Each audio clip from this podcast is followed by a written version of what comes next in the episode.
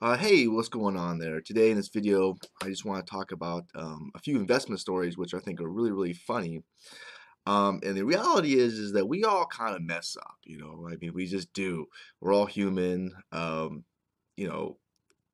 And I, I really like it when people say, when you mess up, right? What the hell were you thinking? And you're like, well, that's the point. I wasn't thinking.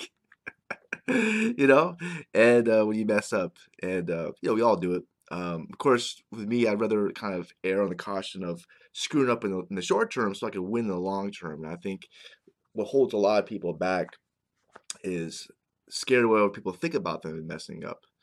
And it's a big psychological thing to overcome is just kind of screw up and be okay with it and keep me moving forward because you know you have to take action to succeed and, and of course when you take action all of it's going to pan out you're going to screw up sometimes.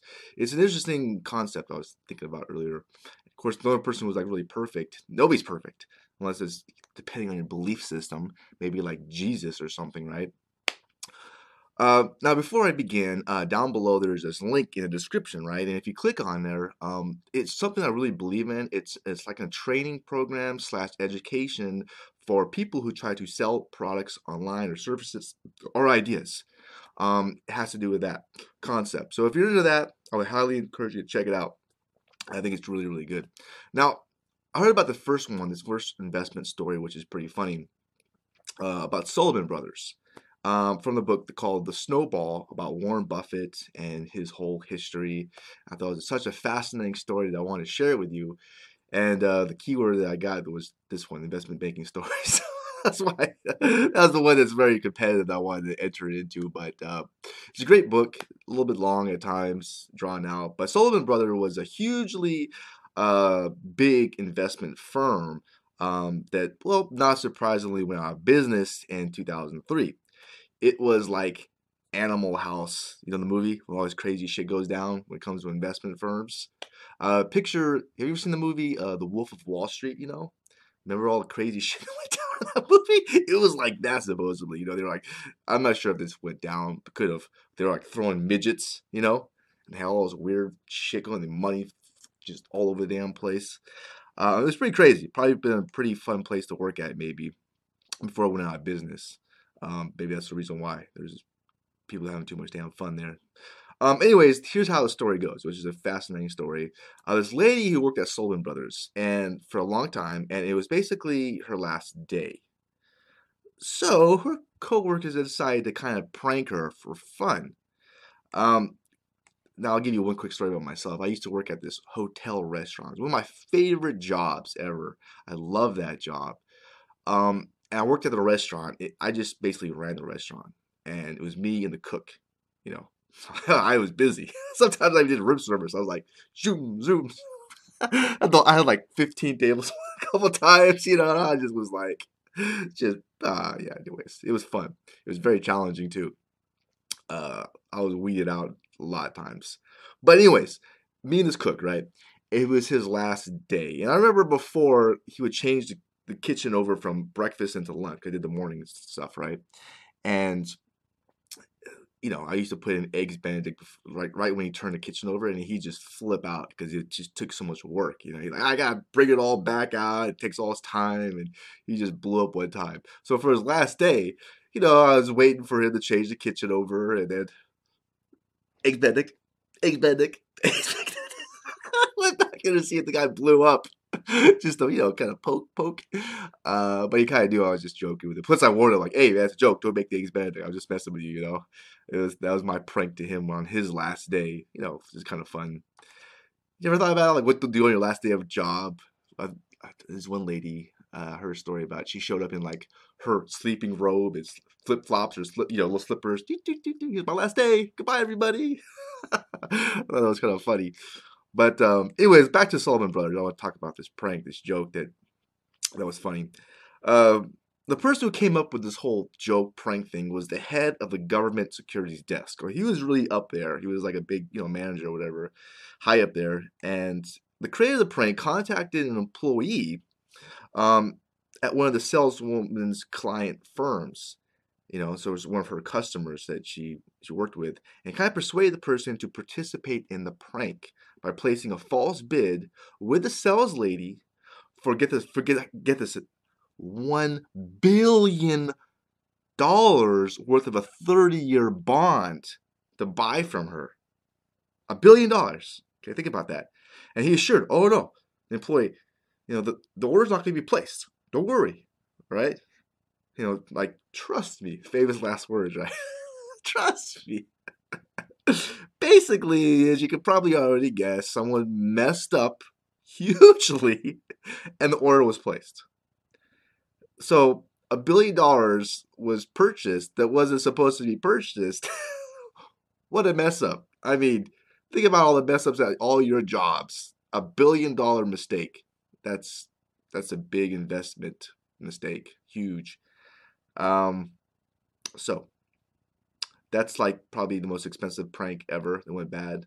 And that's what happened. And obviously the guy got fired and the, the company was a big mess, and then Warren Buffett had to go in there and persuade things. But the fascinating thing about it was it, it was a big company, not too big to fail, but he kind of made the case for a bailout from the government because you know that that Salomon Brothers happened before you know Lehman Brothers and the whole subprime mortgage mess that almost destroyed the entire world economy went down.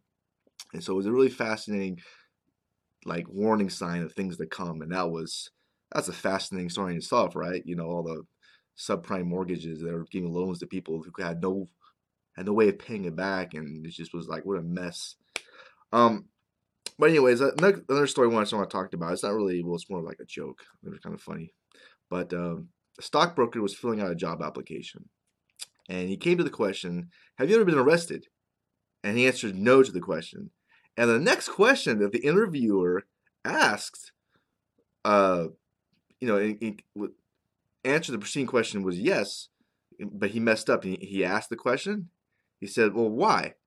And nevertheless, the stockbroker answered, "Never got caught." so he screwed up by, you know, asking the question. He, he screwed up by answering the question and wasn't supposed to. That was kind of funny. But uh, I, I don't know if I trust stockbrokers. Do you trust, especially after that Wolf of Wall Street movie? Have you? Yeah, have you seen all that, Ryan? Yeah uh, no stockbrokers, no. Um, another one I don't trust is financial advisors, and I kid you not, I know two people. This two people uh, personally that gave their money to a financial advisor and they like lost it all. And I'm talking like a lot of money, like in the hundreds of thousands of dollars.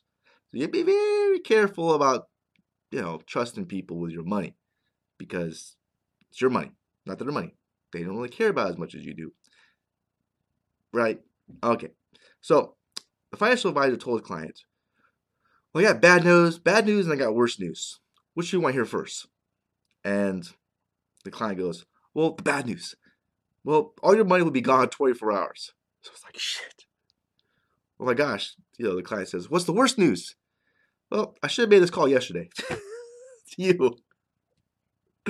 Uh, anyways, a couple of things I want to share. Uh, mostly what had a, I want to share that story about because I thought that was fascinating. A billion dollar mistake, and I've known so many people screw up at jobs. And I used to work at a, a door manufacturing, and one time you know, it's big manufacturing thing with doors. And I was this one new guy came in. We were having some really good conversations. and I was like, you know, they left, they left me behind in charge.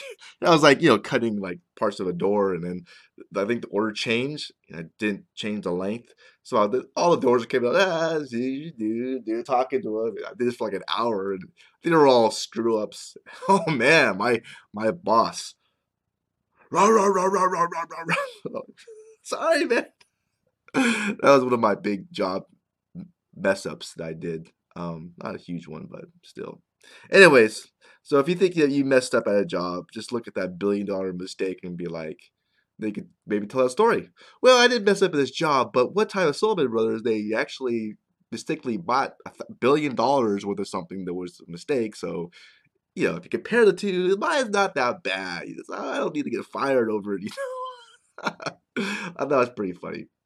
Uh, but anyways, uh, speaking about mistakes when it comes to internet and you know maybe moving ideas or services online, which you know, the world has changed a lot, and figuring out the ways that way people communicate, new ways, is really kind of somewhat important. It's very important, you know. And you're still trying to just, you know, the, the old age of media, of newspapers and television that ruled the world for a long time. It's kind of changed a lot, especially in the invention of the internet with social media and stuff like that. So one of the best things someone can do and learn the skill set someone to learn is the converting part. And that's the part that i kind of struggle with um, in the past because i could get traffic. You know you could you could do that. It doesn't matter how many subscribers or views or you know likes blog post traffic you get if they don't convert over so that's a skill set which is very valuable and what you do after that first sale is really where a lot of work is um, and knowing that skill set is one of the most valuable things someone can learn nowadays, I think. And that's why if you click that link below, uh, there's training on how someone can do that, which will be insanely helpful that you can leverage to your advantage um, going forward in the future. So I'm a big believer in that. Um, check it out. I'm sure you'll love it. Uh, I hope you liked this video. If you did, hit the thumbs up button. You can share it. Um, and yeah, leave a comment if you know of a better, funnier story about a mess up. And uh, I wish you the best. Um, take care and bye for now.